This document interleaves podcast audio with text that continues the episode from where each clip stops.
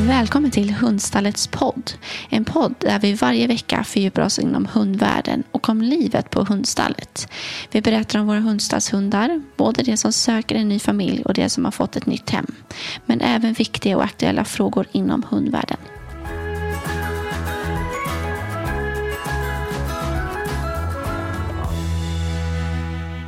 Idag ska vi prata med Eva från Blå Stjärnan om krisberedskap när det kommer till djur. Ett väldigt viktigt och aktuellt ämne. Men innan dess så ska jag presentera veckans hund som är Dalton. Han är en kille på sex månader som är en blandras mellan mastiff och eventuellt king corso. Han är social, nyfiken och vill utforska världen tillsammans med dig. Han söker efter ett tryggt hem som vill vägleda honom genom livet. Och han kommer att bli en stark kille när han blir stor och behöver då någon som har styrkan att kunna hålla honom. Vill du veta mer om Dalton? Gå då in på hundstallet.se.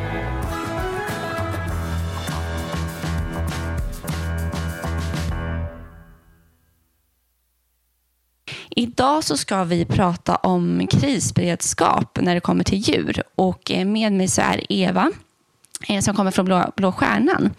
Eh, varmt välkommen hit.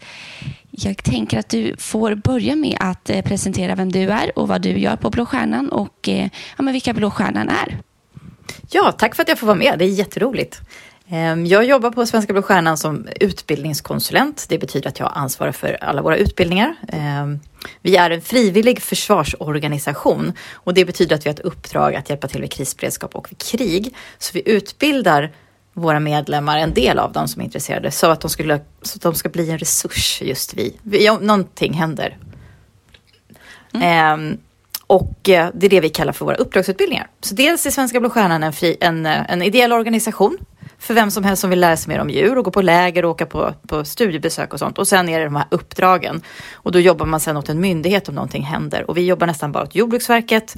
Och det är nästan bara smittor, att man går in och hjälper till att vaccinera eller sanera stallar och, och den typen av grejer.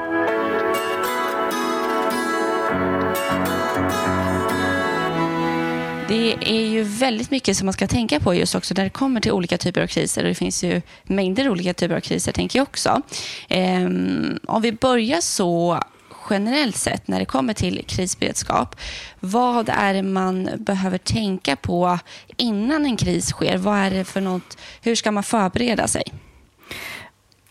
Alltså det absolut första man ska tänka på det är så här, vad har jag själv för behov? Vad är det viktigaste för mig? Och, och, man kan ju ha de här generella sakerna att man behöver ha mat, foder, vatten, skydd och information. Men sen är det ju så här, man måste tänka själv, vad har jag för kanske speciella behov? Har jag en hund som behöver smärtstillande? Ja, men då kan det ju vara bra att ha tagit ut lite extra, att alltid ha en reserv, inte låta saker ta slut.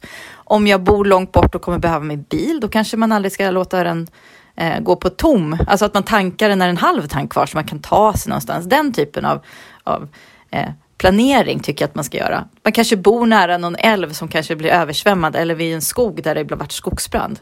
Man får se vad det finns för faror. Eller faror, men ja, vad är det som skulle kunna hända? Eh, och sen också jättegenerellt tänka, man behöver inte ens tänka någon storskalig kris. Man kan tänka sig att det brinner lite i, i, bostaden. Kan jag evakuera mina djur? Hur snabbt kan jag ta mig ut och vet jag vad jag ska göra? Det, det, den grejen att, ja, kan du hantera dina djur? Får mm. du med dig dem? Ja. Och jag tänker det är ju också väldigt olika beroende på vilket typ av djur det är. Om det är en stor häst eller om det är en katt. Men om man ska fokusera just på hund, finns ja. det något specifikt just för hund som, man, som kan vara bra att tänka på? Förutom så som du sa, mediciner och liknande. Ja, det är ju, och det är som sagt som du säger med storleken. Det beror ju på vad du har för storlek. Men har du en liten hund, då är det ju klokt att ha en transportbur så att du säkert kan transportera den. Och är det en stor hund, ja då är det ju bra om den är i kondition så att den kan, kan röra sig själv. Om du inte orkar flytta, bära den. Om du har en Grand Danois så kanske man orkar lyfta den men inte bära den någon längre sträcka. Um, vad kan det vara mer? Ja, jag är ju väldigt mycket för träning och övning. Uh, att mm. just öva hundarna i att göra saker. Um, till exempel med transportburen, ja, man kanske inte bara ska köpa en transportbur, du ska ju öva hunden i att vara i den och tycka att det är roligt. Så att när det blir kris, att du snabbt kan trycka in den där och dra om det skulle mm.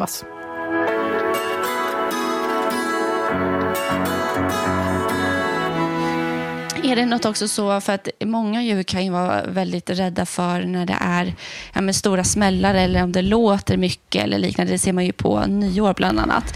Är det någonting som man kan tänka kring när det kommer till det som ja, men kan vara bra att förbereda? Jag tänker hemmet om man ska kunna täcka för någonting eller öva hunden på att vara under bordet för att det kanske är lugnare. Eller finns det på något sätt något sånt man ska tänka på? Absolut, det tycker jag. Och just att man testar sin hund, om den nu är rädd, då behöver man ju ändå kunna hantera det även till vardags. Och då, då vet man nog förhoppningsvis just att man ska mörka ner. Och sen finns det ju såna här eh, mediciner, dofter va? Och det är sånt man kan testa och se hur ska jag kunna hantera det. Ska jag ha det på en scarf runt halsen på dem eller hur ska, jag, hur ska jag hantera det? Att man testar igenom det. För som sagt, nyår har vi ju tyvärr varje år med smällare.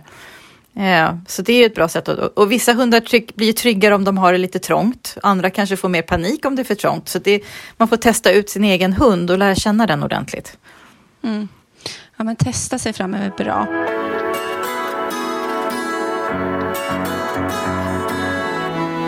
Finns det en eh, plan, tänker jag, just när det kommer till om det är någon typ av ja, men säg, naturkatastrof eller kris. Finns det någon plan för evakuering av djur då, eh, som generell plan? Inte särskilt detaljerad, men det, men det finns en myndighet som heter MSB, Myndigheten för samhällsskydd och beredskap. Det är ju vår krisorgan, alltså myndighet i Sverige.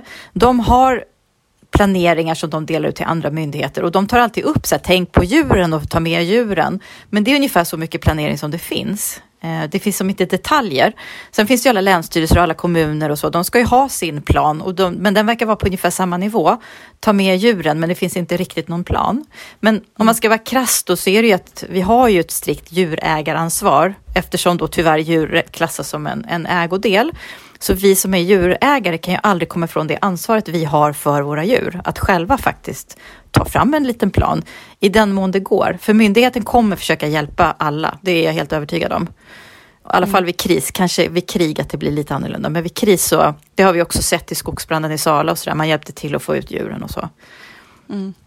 Men det ändå ligger i grund och botten så ligger ansvaret på djurägaren själv. Ja, så. rent juridiskt mm. är det ju så. Nej, men jag tänker, om det inte finns en sån generell plan, är det mm. någonting som man själv, just för att det ligger på en själv, då, ens egna ansvar, vad ska man tänka på där då som man kan förbereda sig för? Det är faktiskt lära sig mer om svensk krisberedskap. Det låter så himla tråkigt, men eh, det finns till exempel i de flesta kommuner i Sverige så finns det trygghetspunkter. Det kommer, alla kommuner ska ha det så småningom och då är det bra att ta reda på det i lugn och ro när inte något har hänt. Var finns mina trygghetspunkter i min kommun? För där kommer det finnas information, vatten, det kommer kanske, om det är kallt kan man värma sig, om man ska evakuera så kan det vara därifrån man får hjälp och sådana saker. Så att man vet så här, där, där finns informationen, där kan jag få reda på mer.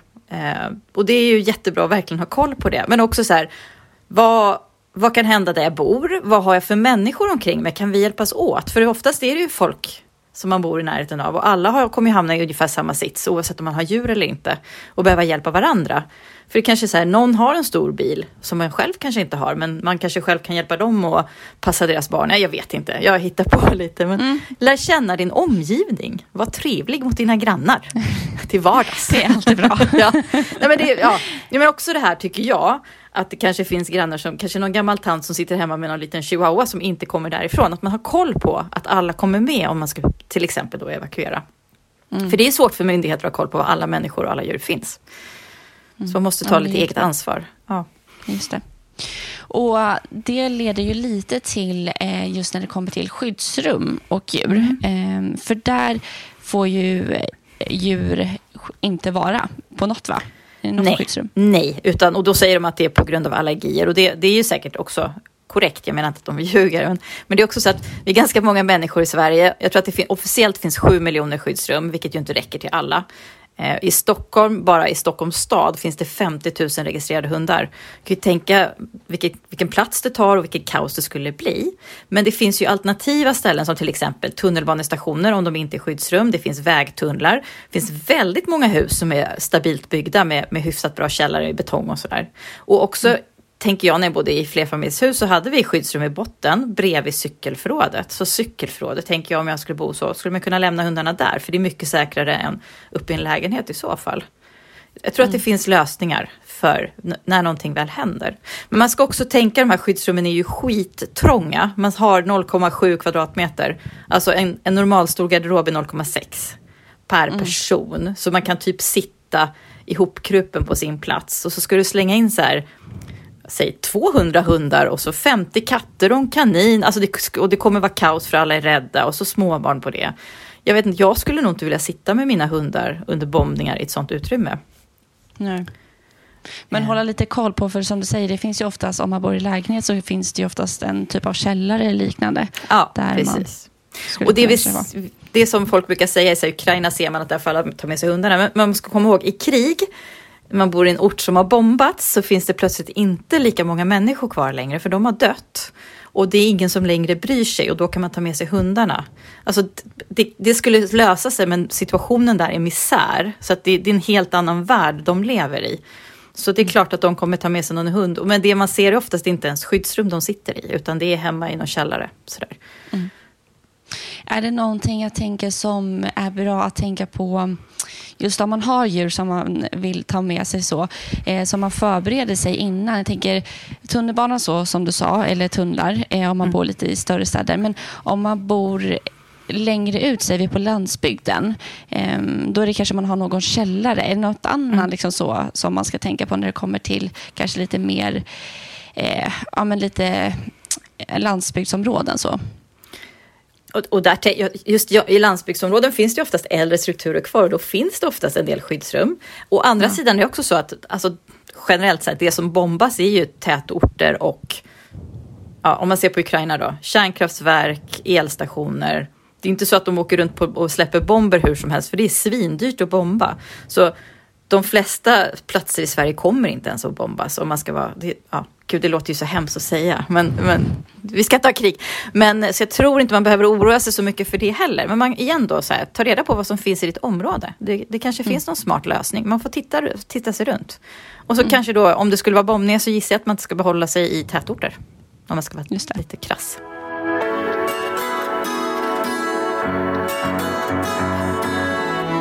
Vad tycker du, eh, tänker rent generellt sett i samhället, eh, skulle behöva förändras eller förbättras från liksom, hur det ser ut nu när det kommer just till krisberedskap och djur kopplat till det?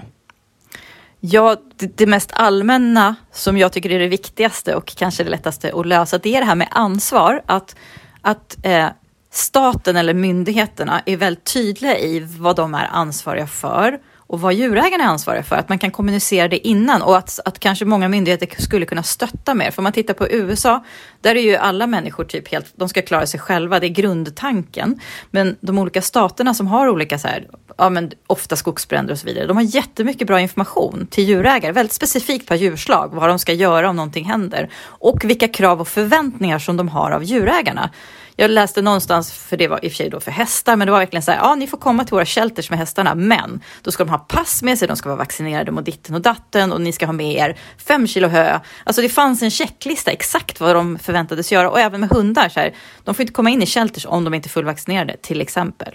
Så, så den kommunikationen tror jag och också förtydliga för djurägare att de har eh, ett, en skyldighet. Jag tror att vi är så vi är så trygga i Sverige och det är väldigt härligt. Men det gör att vi förväntar oss väldigt mycket hjälp av andra som vi kanske inte kommer få. Mm. Men just det här du säger med när det kommer just till vaccinationer och om man behöver pass till hund eller liknande, just om man ska behöva ta, någon, ta sig någon annanstans, mm. är ju kanske sånt som inte man riktigt tänker på förrän man väl behöver åka. Nej, nej, det är sant. Och då hoppas jag att man, att man just planerar så att man alltid har sin hund vaccinerad. Och så, jag stod och jobbade i eh, veterinärmottagningen för ukrainska flyktingar med hundar och katter i Nynäshamn ett tag. Och då, det man kan tänka där, som jag har börjat göra, det är att mina hundar är vaccinerade och har pass. Jag har fotat dem och sparat dem dels i telefonen men också i en molntjänst. Eh, om man skulle behöva lämna, då skulle man kunna få fram de där papperna kanske. Eh, sen, sen är det så här, man får ju hoppas om det blir krig, att andra länder ändå tar emot oss för att ja. vi har ganska bra smittskyddsläge här och sådär. Men en mm. annan sak som många från Ukraina var, hade med sig till sina hundar var eh, såna här, vad heter det, nos, eh, som man så att de inte kan bitas. Ja, eh, munkorg. Munkorg. Alltså, ja. Det var otroligt snälla, otroligt väluppfostrade hundar, men de hade munkorgar med sig ändå. Och det tänker jag, i en stressad situation när folk flyr och folk är skadade och även djuren skadas och ont, så är det ett genidrag att ha munkorgar på alla hundar oavsett, för då kan ingenting hända. Det är en mm. trygghetsgrej. Och det, mm. det är vi väldigt långt ifrån i Sverige, tänker jag. För jag har aldrig haft ja. munkorg på någon hund. Nej, men verkligen, det är ju oftast eh, att man använder det i andra situationer. Men det är väl Ja. jättebra att ha, ha det med hemma också ifall det skulle Ja, vara något sånt. Att man är faktiskt. förberedd. Ja, för då kanske man får ta med sig hunden på bussen. Framförallt om man har någonting stort och svart då, som ser läskigt ut. Jag har en svart labrador som folk tror är någon slags kamphund. Ja, men alltid bra att ha. Ja.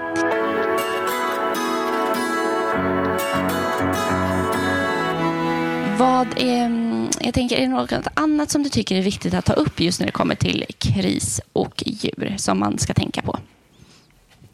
Det är ju själv eh, att faktiskt planera, inte bara planera, gör. Se till att klara dig själv en vecka. Det är, det är alltid bra. Tänk vad skönt om du blir sjuk en vecka. Då har du mat och vatten och allting hemma redan. Men att alltid klara sig ungefär en vecka och inte låta saker ta slut. Och det behöver inte vara så avancerat. Det kan ju vara så här snabbmakaroner och pesto. Det, det är inte så kul, men man klarar sig en vecka. Och sen såklart då mat till hundarna. Eh, och även vatten till dem och allt vad det kan vara. Det tycker jag är, det- är det viktigaste. Och för de som inte redan har en vevradio så tycker jag att det är en sån sak som man ska ha, så man alltid kan få information. Eh, eller en radio, men en vevradio behöver du inte ens ha batterier till, men så att du alltid kan få uppdaterad information från myndigheter som är korrekt, alltså man lyssnar på P4 och P3, de här eh, statskanalerna, så att det inte är desinformation man får heller. Ja, men väldigt viktigt och ett eh, tänker väldigt aktuellt ämne just när man ser hur det ser ut i världen idag. Så det är bra att vara förberedd. Ett stort tack Eva för att du var med och gästade podden. Ja, tack för att jag fick vara med.